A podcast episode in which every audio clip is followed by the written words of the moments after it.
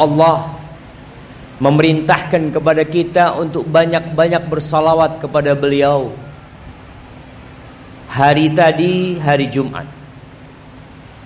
Harinya bersalawat kepada Nabi alaihi salatu wassalam.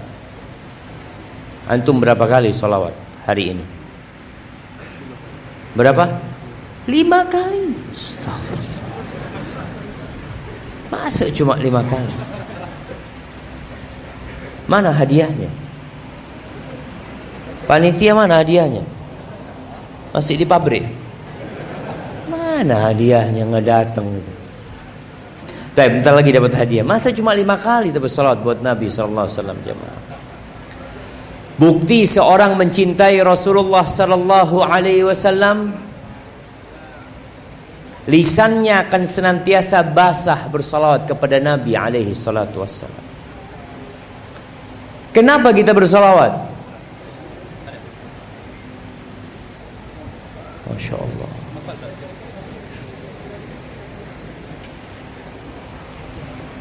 Kenapa kita bersolawat kepada Nabi SAW? Siapa yang mau jawab? Nah. Waalaikumsalam warahmatullahi wabarakatuh.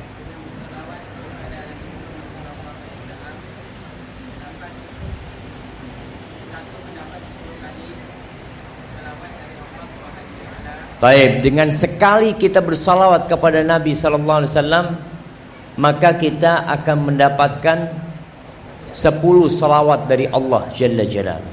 Baik. Menaikkan derajat. Mengampuni dosa. Jadi antum cuma cari pahala doang. Antum nggak cinta sama Nabi SAW. Mana hadiahnya? Nanti. Satu dapat hadiah yang lima kali solawat Antum dapat hadiah. Ahibati fillah. Masih ingatkah kita dengan kisah Ubay bin Ka'ab? Ketika dia datang kepada kekasihnya mengatakan Ya Rasulullah Kam aj'al laka min salati Wahai Rasul Alaikas salatu wassalam ya Rasulullah. Berapa banyak dari doa-doa yang aku panjatkan yang isinya salawat kepadamu. Masya Allah. Mana hadiahnya?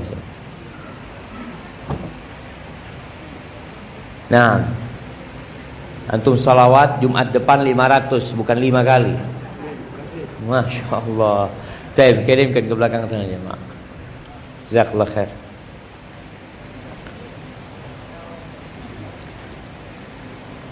Sampai mana kita jemaah? Ubay bin Ka'ab.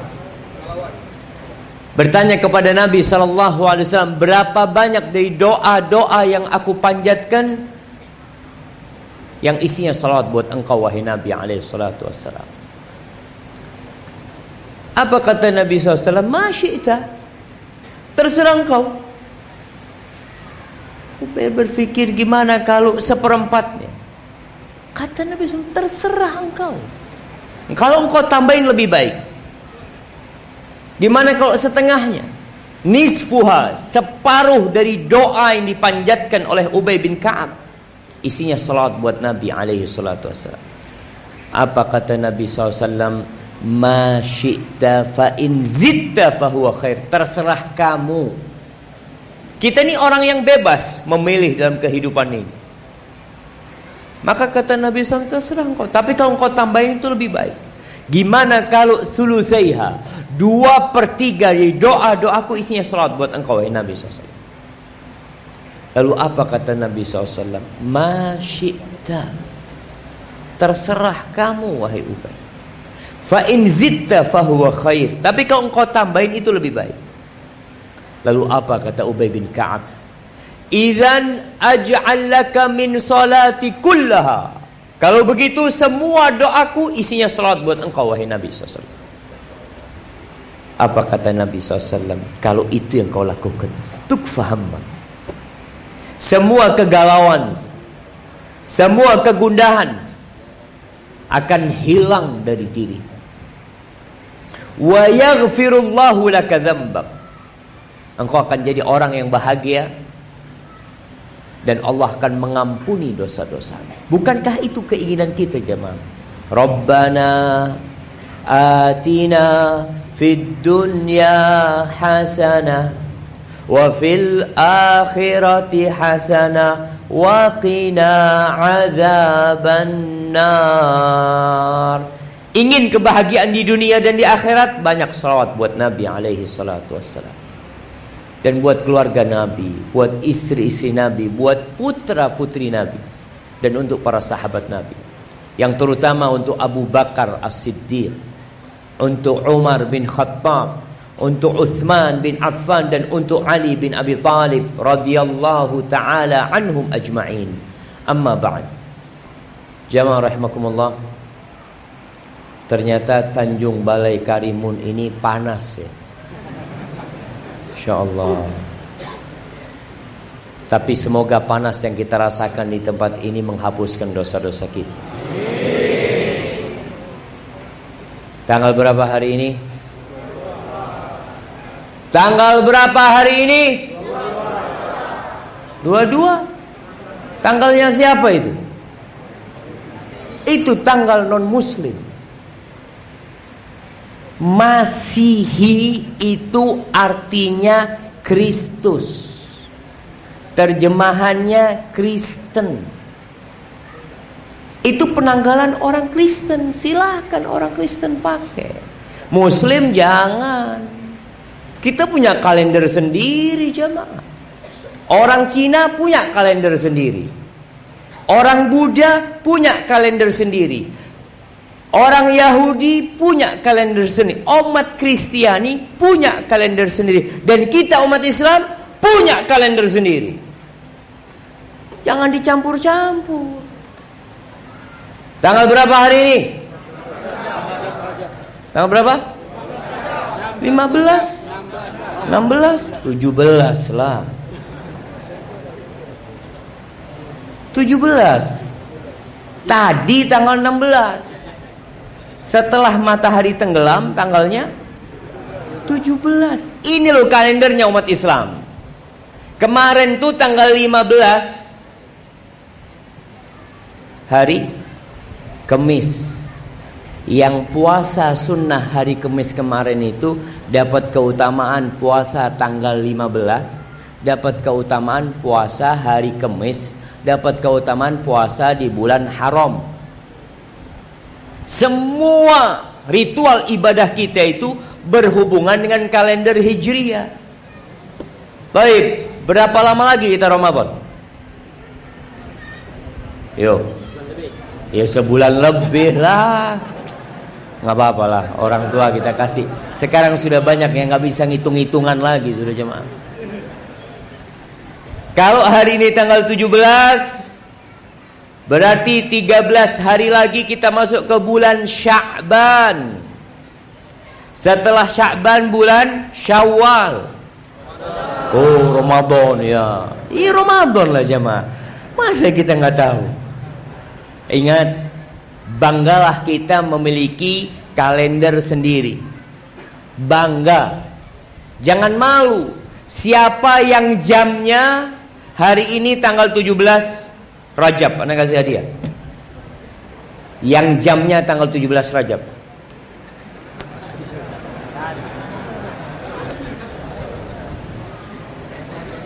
Jamaah. Karimun. Karimun itu bahasa Arab. Orang-orang yang mulia, Ustaz. Karim.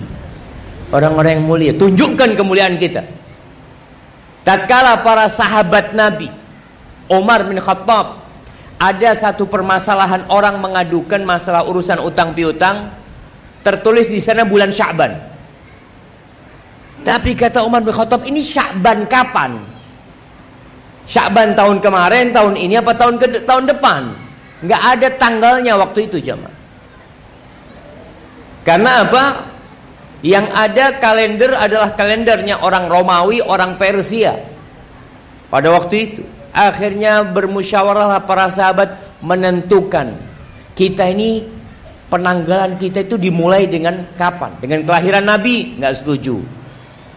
Dengan awal turunnya wahyu tidak setuju para sahabat. Terus gimana? Dengan hijrahnya Rasulullah sallallahu alaihi wasallam. Maka ketentuan kalender umat Islam itu dimulai dengan hijrahnya Nabi Muhammad sallallahu alaihi wasallam. Maka jangan melupakan kalender Hijriyah. Baik, ahibati fillah. Apa tema kita pada malam hari ini? Masya Allah. Kerja keras tanpa hasil. Semua berharap kerjanya itu menghasilkan. Nggak mungkin ada orang kerja dari pagi sampai sore, lalu pulang nggak dapat gaji. Kalau ada seorang suami berangkat kerja, dari pagi sampai sore pulang ke rumahnya berkeringat, bau keringat. Terus datang ketemu istrinya ditanya, "Mana gajinya?" Enggak ada. Engkau kerja nggak ada hasil? Iya nggak ada. Terus buat apa engkau kerja? Hanya orang-orang yang kurang cerdas yang mau melakukan pekerjaan tanpa hasil. Pernah suatu hari dalam hadis riwayatkan Imam Bukhari dan Muslim dari Abu Hurairah radhiyallahu taala anhu dia menceritakan ada seorang lelaki yang masuk ke masjid Nabi Muhammad SAW. Wa Rasulullah sallallahu alaihi wasallam jalisun fihi faradda alaihi salam. Orang ini masuk ke masjid. Nabi sedang duduk. Kemudian dia sholat orang ini sholat. Selesai sholat menyumpai Nabi alaihissalatu wassalam. Assalamualaikum ya Rasulullah. Kata Nabi alaihissalatu wassalam. Waalaikumsalam. Salli fa innaka lam tusalli. Kamu sholat lagi. Kamu itu belum sholat. Tadi dari mulai takbir, ruku, sujud nggak dihitung. Kamu belum sholat, sholat lagi. Akhirnya orang ini sholat. Bayangkan sholat dilihat oleh Rasulullah Sallallahu Alaihi Wasallam. Selesai Assalamualaikum warahmatullahi wabarakatuh. Dia datang menyumpai Nabi alaihi salatu wasallam mengatakan Assalamualaikum ya Rasulullah. Nabi jawab salamnya. Lalu Nabi alaihi salatu wasallam mengatakan Salli fa innaka lam tusalli. Kamu sholat lagi. Kamu belum sholat. Aji. Akhirnya orang ini sholat lagi. Selesai sholat Assalamualaikum datang jumpai Nabi SAW Lalu Nabi mengatakan seperti yang pertama Engkau sholat lagi. Kamu belum sholat. Tiga kali sholat jamaah Di Masjid Nabawi Di hadapan baginda Nabi Sallallahu Alaihi Wasallam Ternyata tiga sholat dia nol. Dianggap belum sholat Lalu apa kata sahabat ini? Walladhi ba'athaka bilhaq. Ya Rasulullah ma uhsin ghairahu fa'allimni. Demi Allah yang mengutusmu dengan kebenaran Aku tuh nggak bisa sholat lebih baik daripada yang tadi kau lihat. Itu sholat terbaikku. Tolong ajarin aku. Subhanallah Nggak sembarangan orang beribadah Antum pikir selama ini antum sholat diterima antum puasa diterima. Wallahu alam. Dalam hadis riwayat Imam Tabrani Rasulullah sallallahu alaihi wasallam mengatakan innar rajula la yusalli salata sittina sanah wa lam tuqbal lahu salah.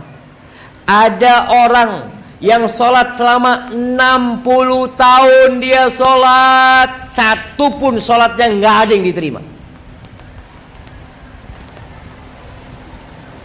Kenapa? Yutimmu ruku'ahu wa la yutimmu sujudahu. Yutimmu sujudahu wa la yutimmu ruku'ahu. Asal sholat. Menyempurnakan rukuknya, sujudnya nggak sempurna. Sujudnya sempurna, rukuknya nggak sempurna. 60 tahun sholat jemaah nggak ada yang diterima. Maka kita perlu berpikir apakah ibadah kita diterima? Jangan-jangan nggak diterima. Baik. Pernah ada seorang datang kepada Nabi sallallahu alaihi wasallam. Dia bertanya kepada Nabi alaihi wasallam, "Ya Rasulullah." Nih hadis riwayat Abu Dawud dan Imam Nasai. Ara'aita rajulan ghaza yaltamisul ajra wa dzikra. Bagaimana pendapatmu hai Rasul sallallahu alaihi wasallam? Seorang yang berperang di jalan Allah, dia mengharapkan pahala dan mengharapkan pujian. Mengharapkan pahala dan mengharapkan pujian orang. Qala la syai'a lahu. Orang itu nggak dapat apa-apa. Lalu tanya lagi orang ini. Dua kali, tiga kali jawaban Rasulullah sallallahu alaihi wasallam satu, la syai'a lahu. Orang itu nggak dapat apa-apa.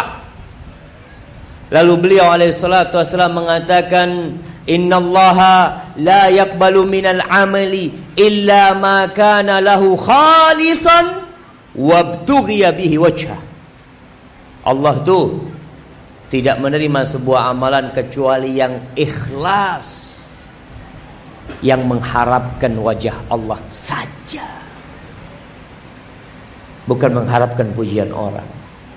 Enggak anak ikhlas Ustaz tapi anak ingin dipuji Ustaz. Nggak diterima. Allah berfirman sebuah surat yang sering dibaca sama imam pada waktu sholat Jumat Allah mengatakan Bismillahirrahmanirrahim. Hal ataka hadithul ghashiyah? Yawma idhin khashi'ah. Amilatun nasibah. Tasla naran hamiyah. Apakah sudah datang kepadamu sebuah berita sebuah pengumuman, sebuah pemberitahuan tentang al-ghasyiyah. Tentang kiamat nih yang mencekam dan menakutkan. Tatkala wajah-wajah manusia yang mungkin ketika hidup di dunia mereka terhormat, mereka dihargain oleh umat, tapi pada hari kiamat penuh dengan kehinaan dan ketundukan. Hina dina. Amilatun nasibah Orang itu kerja keras. Capek. Tasla naron hamia. Tapi masuk ke neraka yang panas.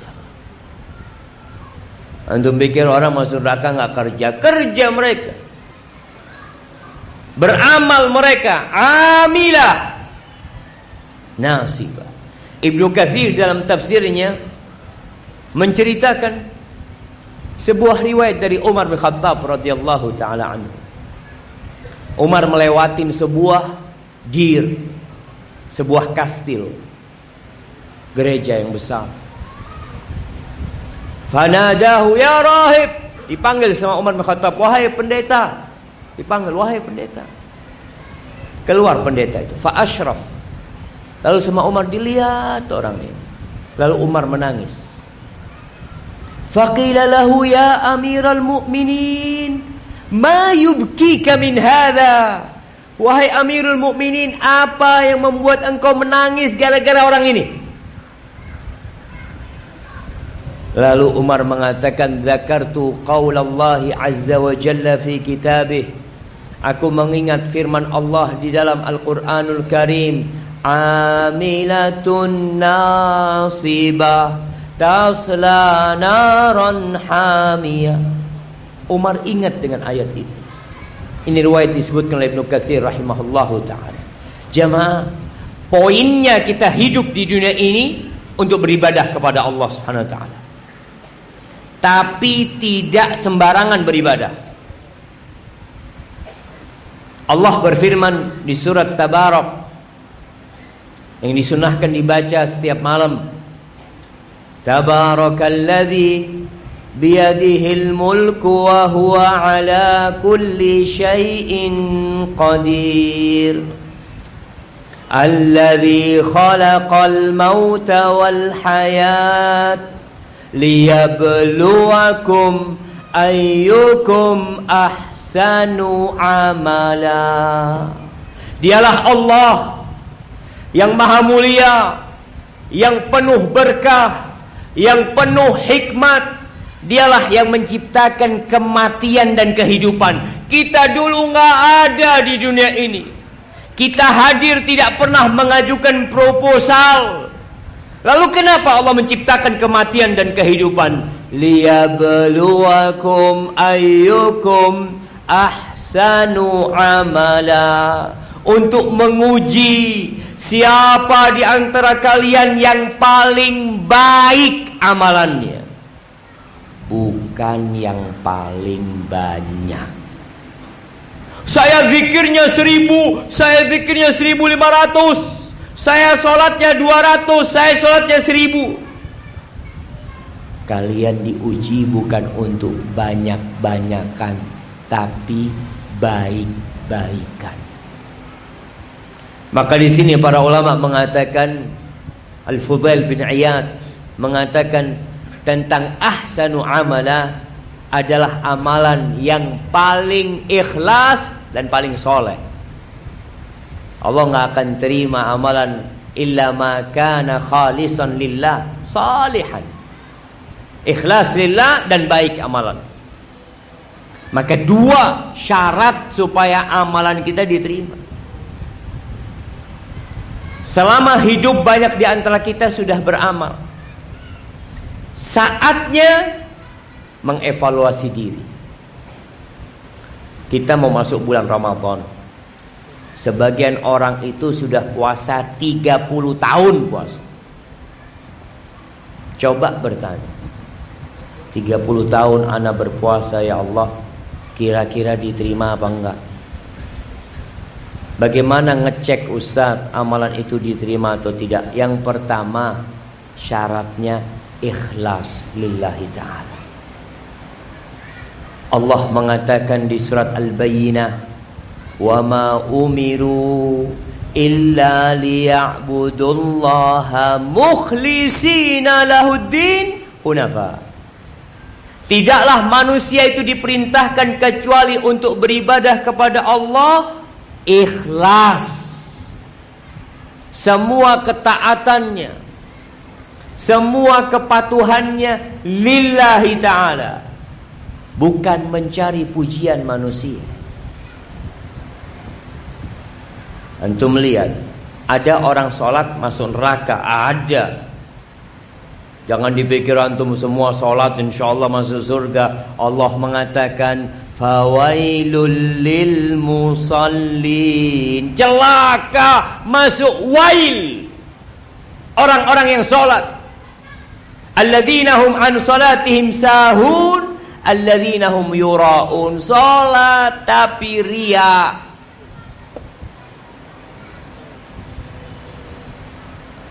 Salat tapi ria. Kalau salat sendiri Masya Allah Baca Qul huwallahu ahad. Allahu samad. Jadi imam amma yatasaalun. Ajib antum salat sendiri qul huwallahu ahad. Jadi imam amma yatasaalun. Kenapa? Oh iya kan banyak yang hadir. Hati-hati. Makanya kenapa salat sunnah ini dianjurkan di rumah? Qabliyah ba'diyah itu dianjurkan di rumah. Kata Nabi sallallahu alaihi wasallam khairu salatir rajuli fi baitihi. Sebaik-baiknya salat seorang lelaki itu di rumahnya. Sebaik-baiknya salat orang laki itu di mana? Di mana? Di rumahnya.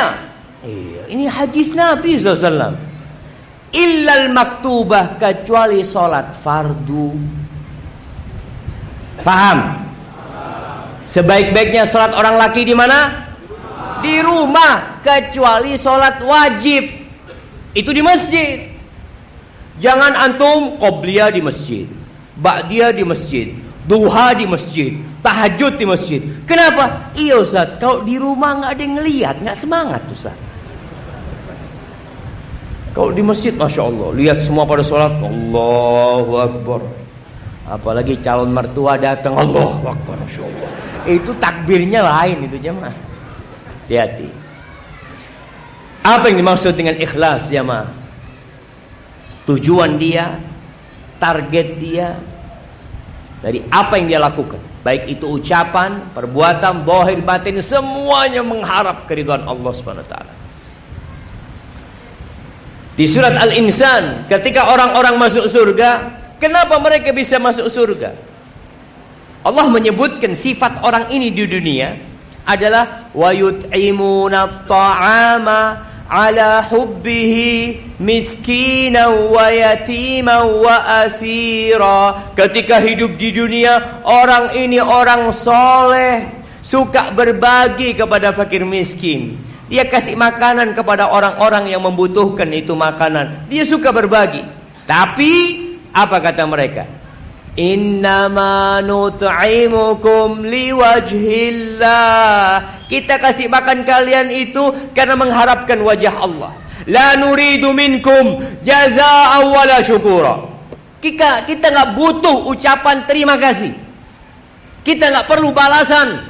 Makanya antum kalau membantu orang lain, membantu keponakan, membantu saudara, membantu tetangga, jangan pernah mengharap balas budi yang ada sakit hati.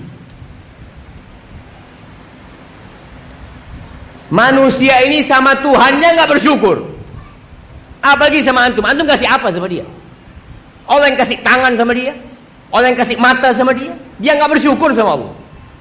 Kok antum baru kasih duit 10 ribu. Kasih duit 1 juta berharap ucapan terima kasih dari dia. Maka jangan pernah berharap Antum berbuatlah untuk Allah. Orang itu mau ngomong terima kasih, mau balas budi, antum nggak ada urusan. Antum ucapkan seperti ucapan penghuni surga ini. Innama nut'imukum liwajhillah. Kami kasih makan kalian karena berharap wajah Allah.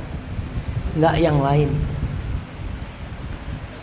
Jamaah rahimakumullah, hadis Umar bin Khattab radhiyallahu taala anhu yang insyaallah semuanya hafal. Innamal a'malu binniyat wa innama likulli in manawa. Semua amalan itu harus ada niatnya.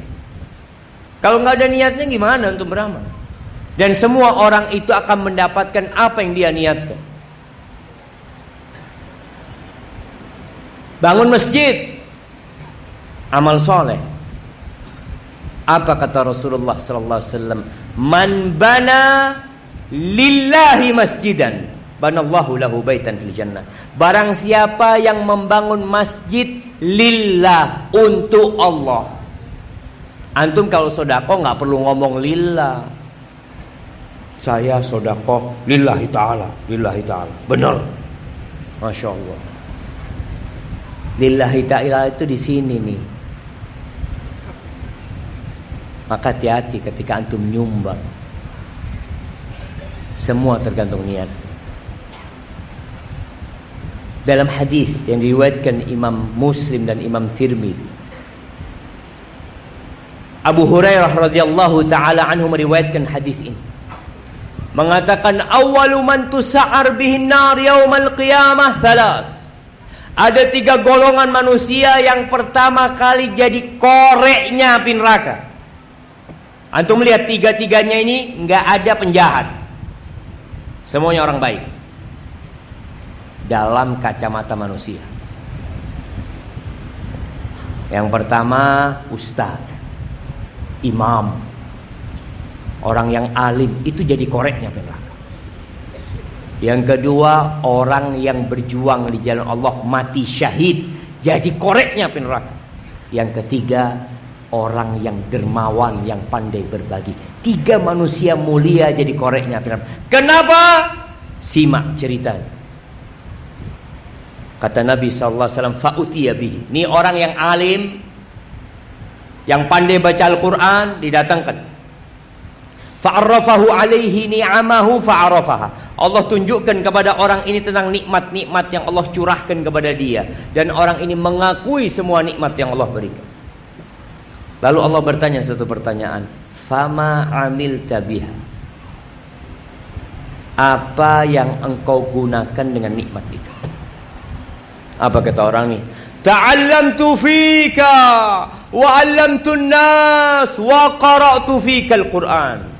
Dengan nikmat yang kau berikan ya Allah, aku belajar agama, aku nuntut ilmu untuk mengharapkan keridhaanmu dan aku ajarkan kepada umat manusia dan aku membaca Al-Qur'an mengharapkan keridhaanmu ya Allah. Siapa yang tidak bisa berucap seperti ini? Lisan tidak bertulang. Tapi hati tidak akan pernah dusta. Apa kata Allah Jalla Jalaluh yang maha mengetahui dengan apa yang terbetik di hati. Allah mengatakan kadzabta, dusta kamu. Bohong kamu. Innama ta'allamta liyuqala alim wa qara'ta liyuqala qari. Kamu belajar selama ini hanya ingin mendapatkan predikat alim ulama. Ustaz dai kondang. Masya Allah. Itu yang kau inginkan. Dan engkau membaca Al-Quran dengan suara yang indah, yang baik. Agar engkau mendapatkan gelar Al-Qari Fulan Masya Allah Yang bacaannya bagus Waqat qil Dan yang engkau inginkan sudah engkau dapatkan Ketika engkau hidup, engkau mendengarkan pujian-pujian dan sanjungan-sanjungan itu. Dan itu yang kau cari. Hari ini nggak ada balasan buat engkau. Fa fasuhiba ala wajhi thumma turiha finnar na'udzubillahi minan nar. Lalu diperintahkan kepada malaikat malaikat untuk menyeret wajah orang ini diseret wajahnya bukan kakinya dan dilemparkan ke dalam api neraka. Yang kedua, orang yang mati syahid Menurut pandangan manusia dia tewas di medan perang menegakkan kalimat la ilaha illallah. Didatangkan orang ini. Sama di sidang. Semua kita jamaah akan berbincang dengan Allah tanpa ada penerjemah antara kita sama Allah. Ditanya tentang nikmat-nikmat yang Allah berikan, orang ini mengakui semuanya. Lalu Allah bertanya, "Fama amil tabiha?" Apa yang kau gunakan dengan nikmat-nikmat yang kau berikan kepadamu? Apa jawab orang ini? Qataltu fik hatta stushhidtu. Aku berjuang untuk menegakkan agamamu ya Allah sampai aku tewas di medan perang. Apa kata Allah? Kadzabta, dusta. Engkau berperang hanya ingin mendapatkan predikat jari pemberani. Fulan pahlawan pembela kebenaran itu yang kau inginkan. Dan engkau sudah dimakamkan di makam pahlawan mungkin. Engkau sudah disebutkan dalam sejarah sebagai pahlawan. Itu yang kau cari. Maka hari itu nggak ada balasan buat dia. Dilemparkan ke dalam api neraka na'udzubillahi Yang ketiga orang kaya raya yang dermawan. Jawab. Ditanya sama Allah, apa yang kau lakukan dengan nikmat-nikmat yang kau berikan kepadamu? Orang ini mengatakan, "Ma min sabilin tuhibbu ayyun faqafi illa anfaqtu fihi lak." Ya Allah, tidak ada satupun jalan kebaikan yang engkau suka nikmatmu dinafkahkan ke sana melainkan aku sudah menafkahkannya di sana untuk mengharapkan keridhaanmu ya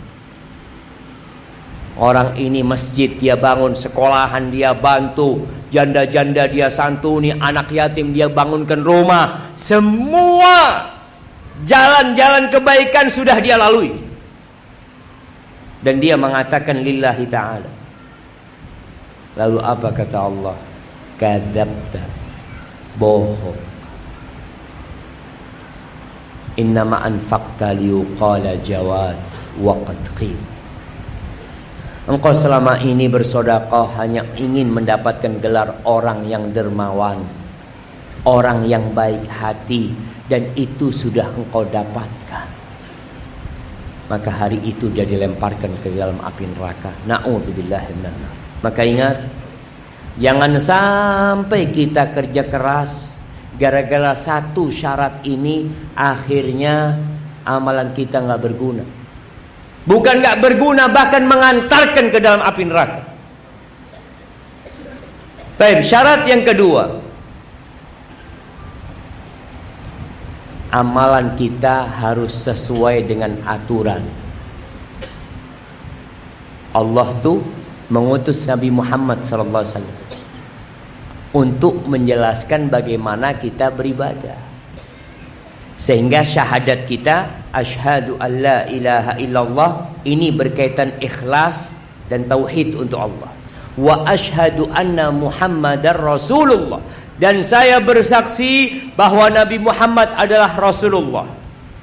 Terus poinnya apa? Kita nggak boleh beribadah kecuali sesuai dengan ajarannya Rasulullah. Jangan pakai ajarannya Nabi Daud. Kecuali yang sesuai dengan ajarannya Rasulullah SAW. Kita boleh puasanya Nabi Daud. Karena Nabi yang nyuruh. Nabi Musa. Nah, dulu Nabi Musa kiblatnya ke mana? Ke Masjidil Aqsa. Sekarang antum mau pakai Masjidil Aqsa lagi? Boleh. Maka di sini sebagai bentuk engkau mencintai Rasulullah sallallahu alaihi wasallam, kita tidak boleh beribadah beramal kecuali sesuai dengan tuntunan Rasulullah sallallahu alaihi wasallam. Apa kata Nabi sallallahu alaihi wasallam dalam hadis riwayat Muslim? Man amila amalan laisa alaihi amruna fahuwa rad. Barang siapa yang beramal sebuah amalan yang tidak ada tuntunannya dari kami maka amalan itu tertolak. Tertolak jemaah. Antum tahu Nabi sallallahu alaihi wasallam itu menanti kita di mana? Di telaga. Di padang mahsyar ada telaga Rasulullah sallallahu alaihi wasallam. Kata beliau alaihi salatu wasallam ana faratukum fil haud Aku menanti kalian, aku lebih dulu sampai ke telaga itu. Aku tunggu kalian di sana. Lalu beliau menceritakan peristiwa di kala itu. Alaihi salatu wassalam. Wala yudhadhunna rijalun min ummati. Akan ada orang-orang nanti yang dihalau dari telagaku. Min haudi. Dari telagaku nggak bisa minum. Padahal umatnya Nabi Muhammad SAW. Maka aku mengatakan ummati, ummati, umatku itu. Kenapa nggak boleh minum dari telagaku? Apa kata malaikat? Malaikat, innaka la tadri ma ahdatsu ba'dak. Kamu nggak tahu apa yang diperbuat oleh umatmu setelah engkau mati. Sebagian sahabat itu ada yang murtad. Seperti Muslim Al-Kadzab dengan golongan yang Nabi tahu mereka dulu muslim. Setelah Nabi meninggal dunia Nabi nggak tahu. Dan ada orang-orang yang melakukan tindakan-tindakan menyimpang dari ajaran Rasulullah sallallahu alaihi wasallam. Boleh nggak sholat isya 6 rakaat? Kenapa nggak boleh? Saya tidak mencuri Pak Ustaz. Saya tidak merampok. Saya tidak menghina orang. Saya sholat enam rakaat karena saya banyak dosa. Yang empat rakaat itu kan yang soleh-soleh. Jadi imam sholat maghrib tujuh rakaat. Boleh nggak? Sholat. Jamaah masa nggak boleh sholat? Nggak boleh. Karena aturannya maghrib tiga rakaat, isya empat rakaat. Haji. Saya kepingin haji Ustaz di bulan Ramadan Ustaz. Bisa nggak jam? Kenapa nggak boleh? Kan Ka'bahnya ada Ustaz. Daripada pas bulan haji kan sekarang antrian haji panjang Pak Ustaz. Saya berangkat umroh sekalian haji langsung. Berangkat ke Arafah. Tanggal 9 Ramadan berada di Arafah. Tanggal 10 berangkat ke Mina. Kenapa? Aturannya nggak seperti itu. Puasa Ramadan. Saya ingin Ustaz puasa Ramadan itu mulai jam 6 Ustaz. Soalnya saya susah bangunnya. Jadi sahurnya jam 6. Tapi saya Pak Ustaz nanti berbukanya jam 8 malam Pak Ustaz. Bisa nggak jamaah? Kan sama jamnya lah hitungannya. Saya majukan dua jam nanti berbukanya mundur dua jam. Kenapa kita katakan nggak boleh? Karena barang siapa yang beramal yang tidak sesuai dengan tuntunan Rasulullah sallallahu alaihi wasallam fahuwa rad maka dia akan tertolak amalannya walaupun ikhlas walaupun ikhlas ingat kenapa Rasulullah SAW pernah sholat di atas mimbar Nabi itu naik mimbar ya masol beliau mengatakan kepada para sahabatnya sallu kama raaitumuni usalli. Kalian sholatlah sebagaimana kalian melihat aku sholat. Beliau setelah sholat dari atas mimbar itu mengatakan Kalian tahu kenapa aku sengaja sholat di atas mimbar? Supaya kalian tahu gimana cara sholat yang benar. Coba kita lihat Apakah sholat kita sudah benar jemaah Apakah gerakan sholat kita sudah benar Ya Ustaz masalah gerakan nggak terlalu penting lah Ustaz Yang penting itu adalah orang yang tidak sholat Bagaimana dibahas Ucapan ini benar tapi kurang tepat karena ada orang sholat masuk neraka. Fawailul lil musallin alladzina hum an salatihim sahun. Lalai dengan sholatnya. Sholat duhur mau matahari tenggelam. Sholat subuh jam 6. Matahari sudah tinggi sholat subuh. Diterima sholatnya? Nggak diterima. Walaupun ikhlas lillahi ta'ala. Syarat dan rukunnya harus dipenuhi. Orang mau sholat, subhanallah. Nih teman-teman yang sholat di atas kendaraan, pesawat, kereta, kapal laut. Jangan bermudah-mudahan tayamum. Kalau ada air harus wudhu. Kalau nggak ada air boleh tayamum. Karena engkau nanti sholat bertahun-tahun nggak diterima sholat. Kenapa? Ada air. Kemudian Rasul SAW ketika berhaji Beliau mengatakan kepada para sahabatnya Khudu anni manasikakum Kalian ambil dari aku tata cara ibadah haji kalian Kenapa nih sekarang sudah mulai jemaah calon jemaah haji itu ada manasik haji Mulai karena ibadahnya harus sesuai dengan Nabi SAW. Kalau enggak kesian. Sudah bayar mahal. Nunggu 10 tahun. Sampai Mekah tawaf cuma 6 kali tawaf. Diterima tawafnya. Enggak diterima. Sebagian orang, oh saya nanti tawaf apa kata ustadznya sudah di sana. Tawaf. Lagi tawaf buka buku dia. Buka buku, buka, buka, buka, rombongannya hilang. Astagfirullahaladzim. Akhirnya dia nggak tahu bagaimana tata cara tawaf. Maka bagi yang mau berangkat haji, tolong serius mengikuti manasik haji. Jangan apa kata ustadznya. Karena di sana satu ustadz bawa 50 orang. Satu ustadz ada yang bawa satu kloter jemaah. Satu kloter itu berapa? 400 jamaah. Ustadznya satu. Gimana antum kalau nggak belajar? Ahibati fillah. Maka di sini kita tahu kenapa Al-Imam Bukhari dalam kitabnya Sahih Bukhari beliau itu meletakkan sebuah bab judulnya Babun al-ilmu qabla al-qawli wal amal berilmu dahulu sebelum berbicara dan beramal. Jangan beramal lalu baru berilmu, salah nanti amalan. Berilmu dulu. Jadi ketika mau beramal tanya, apakah Rasulullah sallallahu alaihi wasallam mengajarkan? Iya, langsung amalkan. Orang mau ngomong apa? Saya mau ngamalkan. Nabi SAW mengajarkan hal itu. Dan para ulama dari sejak zaman dulu. Bagaimana semangat mereka menuntut ilmu. Al-Imam Bukhari itu dari Uzbekistan.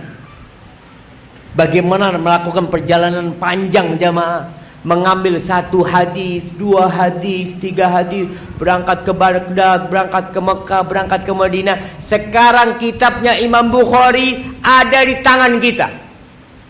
Lalu kita nggak mau belajar, ke mana waktu kita? Kita luangkan jamaah. Rasulullah Shallallahu Alaihi Wasallam mengatakan talabul ilmi faridatun ala kulli muslim. Menuntut ilmu itu kewajiban buat setiap muslim. Wajib. Kenapa? Karena ilmu ini yang membuat ibadah antum jadi sah. Jadi bisa diterima. Kalau enggak, antum beramal sholat tanpa ilmu bertahun-tahun sholat. Sampai ada di beberapa daerah itu yang sholat teraweh 21 rakaat atau 23 rakaat hanya 7 menit. Nggak kepingin nyoba. Coba di masjid ini mungkin Ustaz bisa. 7 menit berapa rakaat? 21 rakaat jemaah. Itu sebagian orang ditanya, bagaimana Bapak sholat di sini? Wah, alhamdulillah, senang saya sholat di sini. Kayak olahraga. Oh, olahraga. Kenapa? Karena mereka beramal tanpa ilmu. Maka antum belajar. Sisihkan waktu antum. Ada kajian-kajian rutin, bahaslah yang antum butuhkan. Yang jadi pedagang, belajar ilmu dagang. Jangan sampai kasih makan anaknya haram gara-gara antum nggak belajar. Kebanyakan kita itu berdagang hanya karena darah dagangnya mengalir dari ayah riba dia makan. Kata dia, oh Ustaz, kalau nggak pakai bunga Ustaz, kalau nggak pakai bank ini nggak bisa punya rumah Ustaz, nggak bisa punya mobil Pak Ustaz, nggak bisa punya motor Pak Ustaz. Oh, kata siapa? Itu kata engkau. Belajar. Allah Subhanahu wa taala kalau mau kasih kepada antum tinggal ngomong kun fayakun. Jangan sampai mempertuhankan sebab-sebab yang ada. Maka nasihat anak kepada semuanya tolong belajar. Dievaluasi ibadahnya. Yang pertama ibadah sholat yang tiap hari. Bentar lagi puasa. Zakat yang punya duit. Zakat itu bukan hasilnya saja. Sebagian orang zakat itu dari keuntungan. Zakat itu keuntungan plus Modal usaha, barang dagangan yang masih belum laku pun itu ada zakatnya. Tiap tahun dikeluarkan zakatnya. Emas, uang ada zakatnya. Supaya ibadah kita diterima, tolong belajar. Allah memerintahkan kepada Nabi SAW untuk berdoa, meminta tambahan satu. Tambahan apa? Ilmu. Apa doanya? Wa qul rabbi zidni ilman. Ya Allah tambahkan kepada aku ilmu. Itu doa Nabi Muhammad SAW hadza wallahu a'lam bissawab. Karena sudah jam 9 kita masuk ke sesi tanya jawab mungkin Ustaz. Nah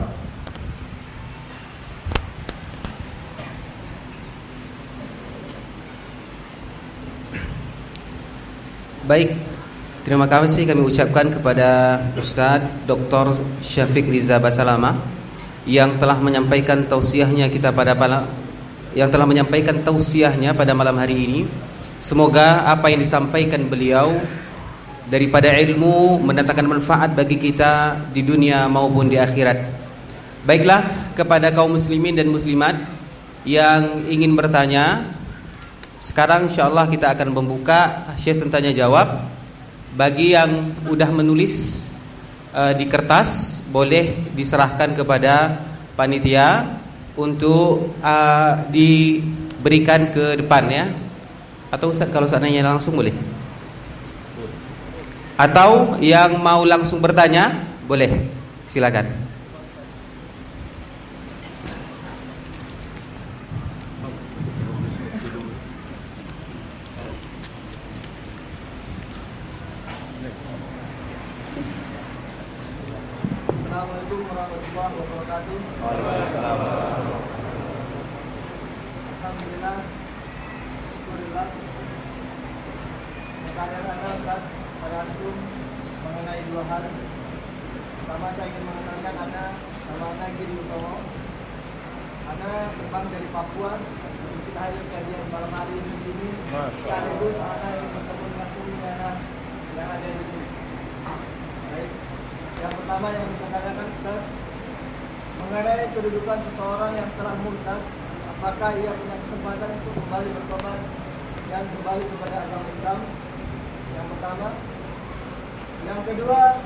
anak meminta uh, kepada Ustaz semoga sebelumnya mudah-mudahan jika suatu hari nanti Ustaz anda telah dipanggil oleh Allah Subhanahu wa taala. Semoga antum semua bisa menjadi saksi yang bagi anak bahwa anak pernah kajian sama Ustaz. Masya Allah. Terima kasih Ustaz. Jazakumullah khair. Waalaikumsalam warahmatullahi wabarakatuh. Barakallahu fikum. Semoga langkah antum menuju ke tempat ini diridhoin oleh Allah Subhanahu wa taala dan langkah kita semua dan semoga kebersamaan kita di tempat ini berlanjut menuju ke surga Allah Subhanahu wa taala. Adapun berkaitan dengan pertanyaan antum, apakah orang yang murtad itu punya kesempatan untuk kembali kepada agama Allah ini? Nah,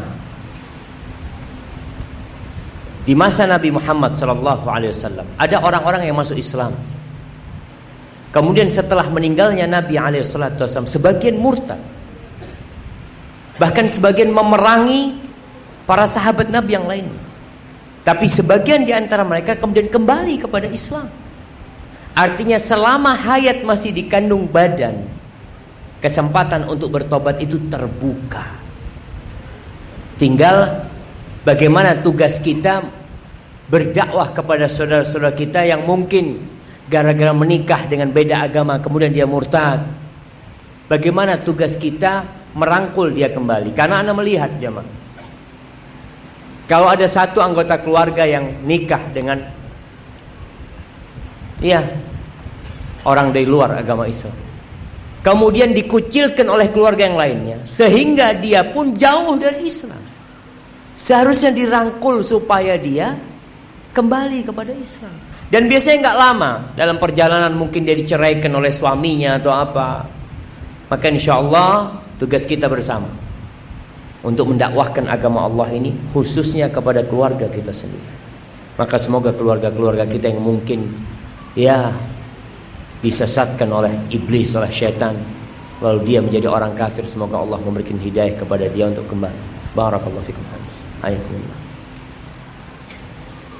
Kemudian di sini Ustaz ada pertanyaan. Assalamualaikum warahmatullahi wabarakatuh.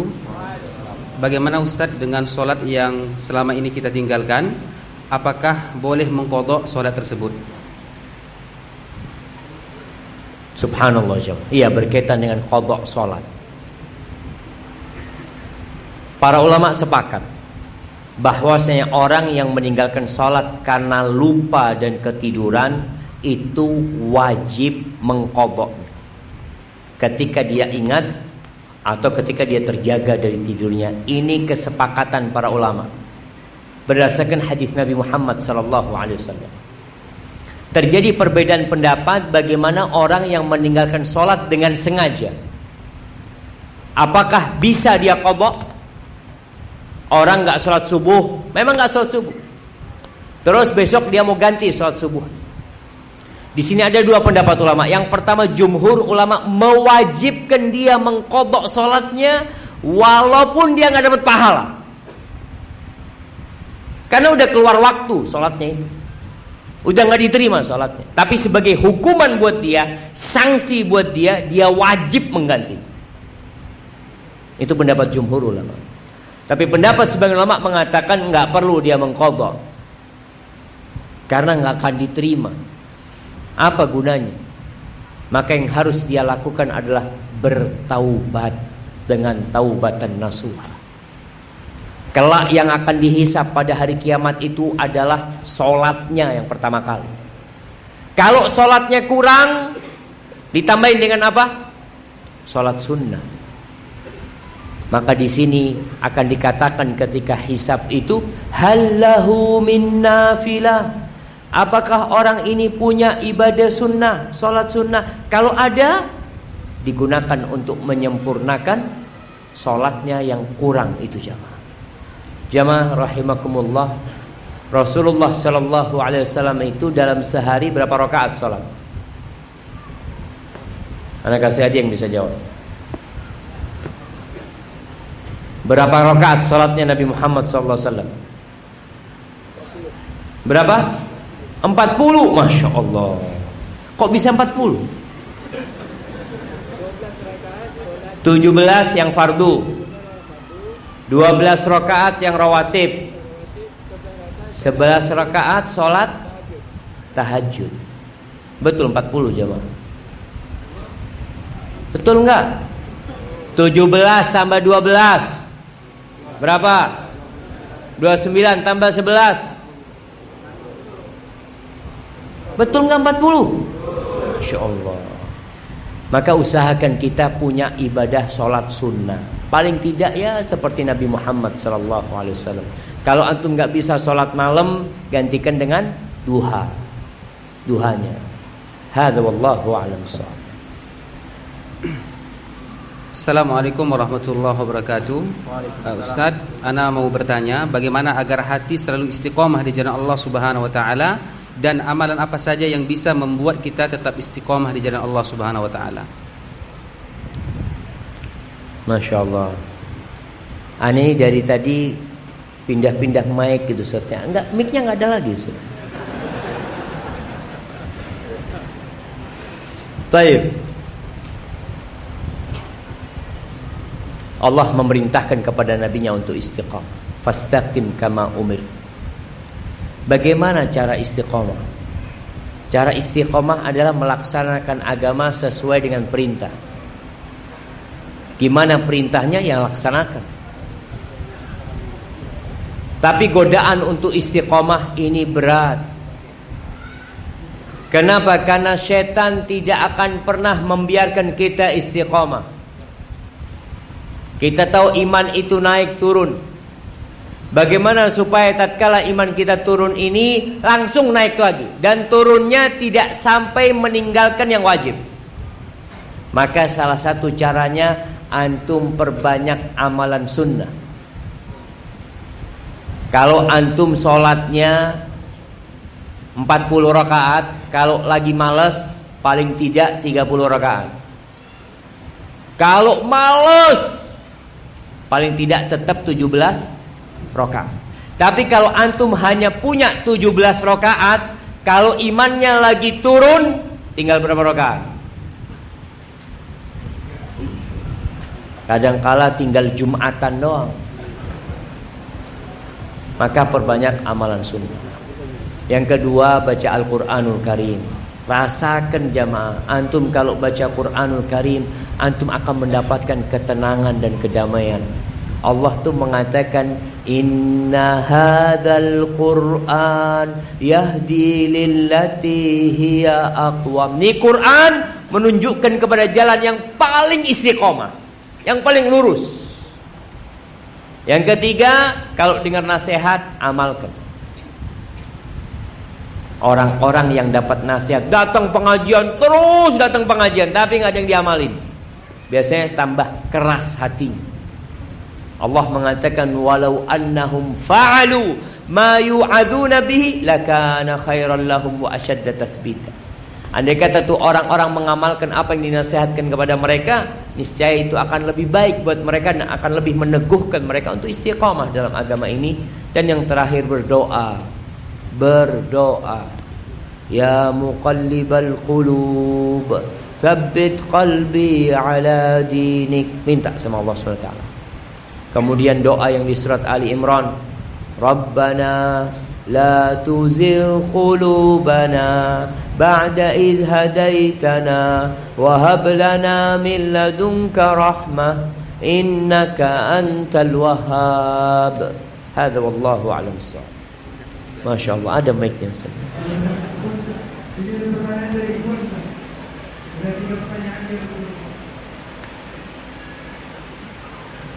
Assalamualaikum Ustaz Waalaikumsalam Ustaz Saya Ustaz Bagaimana cara menyikapi itu perkataan dari orang tua, teman, sahabat, kerabat yang berkaitan dengan amalan Ini kan baik, ini kan sudah bilang Bahkan antum baru cek aja ini sudah beramal turun-turun Bagaimana cara kita menyikapi hal seperti itu Waalaikumsalam warahmatullahi wabarakatuh. Antum dapat mic dari mana di sana? Kita dari tadi satu gantian. Ada di belakang satu jemaah. Masya Allah. Taib jemaah. Iya.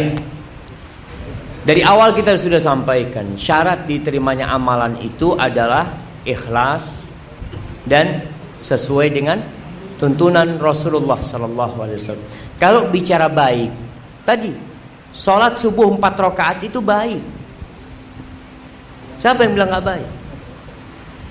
Dua baik, apalagi empat. Zuhur, masya Allah. Antum sholat 12 rakaat zuhur, masya Allah. Semakin banyak orang berpikir semakin baik. Tapi ternyata tidak akan diterima. Antum punya kuda. Pada waktu Idul Adha antum kurban kuda, Masya Allah. Ana beli kuda 100 juta Ustaz. Ana korbankan buat Allah Jalla Jalla. Baik apa nggak baik? Kalau orang berpikir baik, tapi tidak diterima. Kenapa? Karena tidak sesuai dengan tuntunan Rasulullah Wasallam. Dan tugas kita jemaah, memang kita punya tugas berat. Ketika menghadapi keluarga yang mungkin belum punya ilmu atau beramal tanpa ilmu. Selama ini beramal tanpa ilmu. Ana dulu dikasih amalan sama ibu ana. Afah Allah tabaraka wa ta'ala. Jadi selesai sholat itu Ana suruh sujud lagi. Doa ketika sujud. Seperti itu. Bertahun-tahun Ana amalkan itu. Sampai Ana belajar. Ternyata hadis Nabi Muhammad SAW yang mengatakan Fa'idha sajattum fa'akthiru fihi minat doa. Kata ibu Ana, doa ketika sujud itu mustajab. Betul. Tapi ternyata setelah Ana pelajarin Doa ketika sujud itu sujud ketika sholat. Bukan bikin sujud sendiri. Sujud di luar sholat itu ada sujud sahwi, ada sujud syukur, ada sujud tilawah. Nggak ada sujud doa. Artinya sesuatu yang dianggap baik itu kadangkala kurang tepat, tidak sesuai dengan sunnah. Maka tugas kita ketika menghadapi keluarga seperti itu ya kita mohon maaf. Kita sampaikan afwan ana belum tahu kalau memang diamalkan nabi ana amalkan. Rasulullah sallallahu alaihi wasallam pernah menyampaikan fa innahu man ya'ish minkum ba'di fasayara ikhtilafan katsira barang siapa yang hidup setelah aku mati maka dia akan melihat perselisihan yang banyak semua mengaku paling benar itu kata Nabi sallallahu alaihi wasallam Terus solusinya apa? Fa'alaikum bisunnati wa sunnatil khulafa'ir rasyidin al-mahdiyyin min ba'di. Kalian hendaklah berpegang teguh dengan sunnahku. Dengan sunnahnya para khalifah-khalifah yang mendapatkan petunjuk. Addu tamassaku biha wa addu 'alaiha bin nawajid. Kalian berpegang teguh dengannya dan gigit dengan gigi geraham kalian. Jadi ketika semua orang mengaku benar, kita bingung. Apa tugas kita? Lihat Rasul SAW. Lihat Abu Bakar As-Siddiq. Lihat Umar bin Khattab. Lihat Uthman bin Affan. Lihat Ali bin Abi Talib. Insya Allah kita akan selamat. Hada wallahu a'lam Nah. Baik, waktu kita waktu kita ada 10 menit lagi dan pertanyaan yang akan diajukan cukup dari kertas karena kertas eh, pertanyaan kertas banyak belum, belum yang belum kita baca. Selanjutnya di sini Ustaz eh, boleh boleh atau tidak eh, hewan kurban daripada jenis hewan betina? Boleh apa tidak hewan kurban dari jenis hewan betina? Kalau boleh boleh. Jadi hewan betina dari tiga jenis onta, kambing, dan sapi boleh-boleh saja jamaah. Tapi kita tahu kurban itu semakin sempurna bentuknya itu semakin besar pahalanya. Jadi umpamanya kambing yang bertanduk Dengan kambing yang tidak bertanduk mana yang lebih utama? Yang bertanduk. Ini laki yang dagingnya lebih banyak akan lebih utama, tapi syaratnya ikhlas. Sudah sesuai dengan tuntunan tapi nggak ikhlas, antum lihat tuh sapi itu, ah, yang paling besar tuh, ah, itu punya anak tuh, ya itu punya anak. Terus kambing itu antum lihat itu, yang tanduknya bagus, ah itu juga punya anak. Alhamdulillah, analillahi taala potong itu. Jemaah. Betina nggak apa-apa. Tapi kita anak kalau nggak salah dengar aturan pemerintah nggak boleh potong sapi betina yang masih produktif. Karena memang ini aturan pemerintah demi supaya ya terus beranak gitu loh jamaah. Tapi kalau bicara agama boleh-boleh saja. Tapi kalau aturan pemerintah seperti itu kita harus taat demi untuk kemaslahatan yang lebih besar. Dan masih banyak sapi-sapi jantan atau kambing-kambing jantan lainnya. Hadza wallahu a'lam Nah. Kemudian pertanyaan selanjutnya Assalamualaikum warahmatullahi wabarakatuh Waalaikumsalam Izin pertanyaan Ustaz Setiap habis sholat Saya selalu memohon agar Allah Subhanahu wa taala mendekatkan jodoh saya. Akan tapi jodoh tersebut tidak kunjung datang dan saya terus menunggunya. Apakah yang saya harus lakukan? Masya Allah jamaah. Yang pertama, kita tuh harus yakin bahwa doa kita akan dikabulkan. Allah mengatakan ud'uni astajib lakum. Kalian mintalah kepada aku pasti aku kabulkan. Itu kepastian. Tapi kadangkala doa itu ditunda.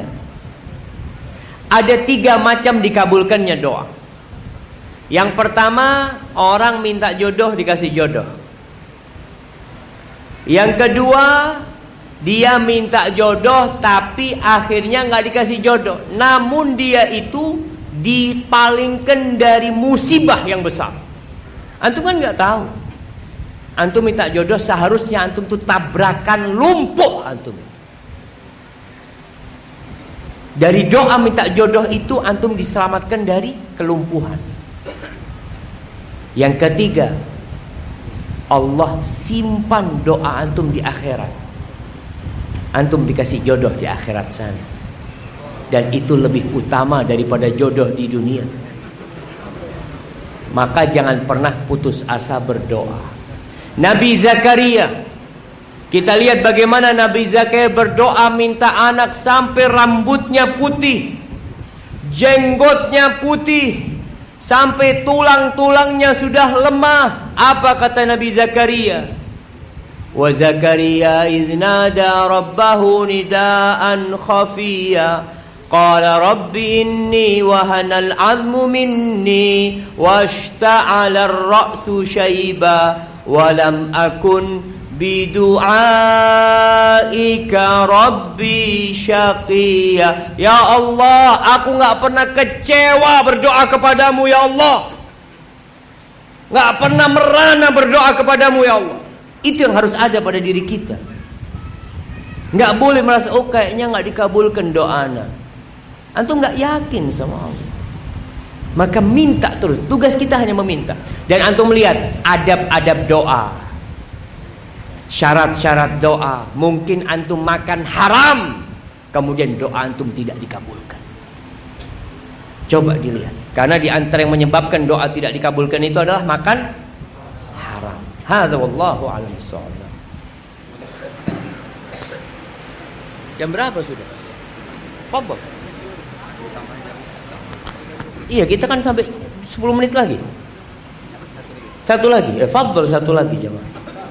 Satu, satu pertanyaan lagi di sini akan kami bacakan.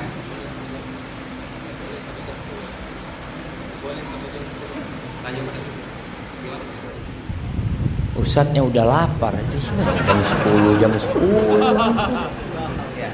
satu pertanyaan lagi insya Allah akan kita bacakan dan ini menutup akan pertanyaan-pertanyaan yang telah diajukan dan kami mohon maaf kalau seandainya tidak seluruh pertanyaan bisa kami bacakan Pertanyaan terakhir, Assalamualaikum warahmatullahi wabarakatuh, Ustaz. Waalaikumsalam. Uh, apakah saya masih boleh mengharap laki-laki yang saleh sedangkan saya pernah terjebak dalam dosa zina? Apakah kita boleh jujur dengan masa lalu kita? Allahu Akbar jemaah. Dosa zina ini di negeri kita ini menakutkan sekali. Anak-anak SMP sudah berzina. Bahkan anak-anak SMP ada yang jadi mucikari, jadi germo. Nauzubillah. Kita ini sudah darurat kondisinya. Makanya kalau melihat ya musibah-musibah, bencana-bencana yang datang itu, semua itu Allah turunkan apa kata Allah? La'allahum yarji'un agar manusia itu kembali kepada Allah. Ingat. Mungkin gempa tidak datang ke Pulau Karimun. Datang ke tempat yang lainnya. Tapi bukan berarti Karimun aman dari azab Allah Subhanahu wa taala. Maka nasihat anak para orang tua tolong dijaga anaknya. Jangan cuma dikasih pendidikan umum. Disekolahkan, oh selesai tugas saya kasih ilmu. Ilmu agama. Itu yang diperlukan oleh anak-anak kita. Itu yang bakal ditanya di kuburannya. Man rabbuka, man nabiyuka, madinuka. Tolong persiapkan anaknya. Kalau enggak orang tuanya akan terseret ke dalam api neraka gara-gara anaknya tidak dibekali ilmu yang cukup. Terus sekarang gimana? Seorang wanita yang berzina bertobatlah kepada Allah SWT. Terus kalau dia taubatnya taubatan nasuha, bolehkah dia berharap dapat lelaki yang soleh? Boleh. Tapi bisa jadi nanti engkau dapat lelaki soleh yang juga pernah berzina. Tapi dia sudah tobat. Dan jamaah ingat dengan wanita yang berzina di masa Nabi SAW yang kemudian dirajam sampai mati. Apa kata Nabi SAW? Laqad tabat taubatan law qusimat ala sab'ina min ahli Madinah lawasi'at. Perempuan ini sudah bertobat. Kalau pahala tobatnya itu dibagikan kepada 70 penduduk Madinah cukup untuk mengampuni dosa mereka. Bayangkan. Jadi bukan berarti lelaki yang punya masa lalu yang kelam kemudian dia bertobat dia nggak jadi orang baik. Antum tahu Umar bin Khattab radhiyallahu taala anhu. Premannya Quraisy dulu dia. Bahkan yang suka menyakitin para sahabat Nabi. Orang-orang yang masuk Islam siapa yang nyiksa? Umar termasuk yang menyiksa. Bagaimana Umar bertobat jadi orang nomor dua jemaah? Artinya orang yang punya masa lalu yang kelam bisa jadi lebih baik daripada orang yang tidak pernah melakukan perzinaan. Nauzubillah min dzalik dari zina ya. Nauzubillah min zina. Tapi ketika orang punya masa lalu yang kelam kemudian dia bertobat kepada Allah, mudah-mudahan Allah menerima taubatnya. Sekarang kalau engkau berharap lelaki yang soleh, berharaplah. Berdoa minta kepada Allah Subhanahu wa taala dan tidak perlu cerita masa lalu. Tidak perlu Ketika mau nyampaikan, sampaikan, ana baru hijrah. Ana punya masa lalu yang buruk, tapi ana sudah mulai belajar. Selesai. Gak perlu cerita, oh saya dulu itu pernah berzina di sini. Ini di rumah yang itu tuh. tuh. Nauzubillah. Jangan sampai kullu ummati mu'afan. Kata Nabi SAW semua umatku itu dimaafkan. Diampuni dosanya. Illal mujahirin kecuali orang yang berbuat dosa terang-terangan. Termasuk berbuat dosa terang-terangan itu malam hari berbuat dosa nggak ada yang tahu ditutupin sama Allah lalu dia cerita.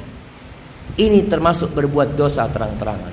Jadi antum yang punya dosa masa lalu pernah mencuri naudzubillah pernah berzina jangan pernah menceritakan dosa itu kepada anak-anak.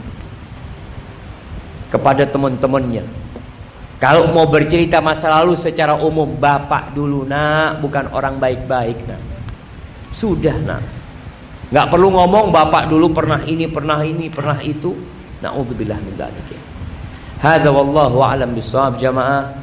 Mohon maaf kalau ada pertanyaan. Ini pertanyaannya banyak banget. Mungkin ada yang ingin tanya langsung ya. Tapi Mudah-mudahan di waktu yang lainnya kita bisa berjumpa kembali. Ana mau kasih hadiah buat yang tadi tanya. Fadl antum ana kasih hadiah. Masya Allah. Barakallahu fikum. Gimana? Siapa minta buku? Masya Allah. Tinggal tiga bukunya itu Masya Allah. Baik, ahibati fillah. Apabila yang anda sampaikan benar itu dari Allah Jalla Jalla. Kalau ada yang salah dan kurang berkenan itu dari diri anak pribadi. Allah dan Rasulnya terbebaskan dari kesalahan anak, kesalahan itu. Hada wallahu a'lam bisawab wa sallallahu ala nabiyyina Muhammadin wa ala alihi wa sahbihi wasallam. Ana serahkan kepada pembawa acara. Fadhal Ustaz.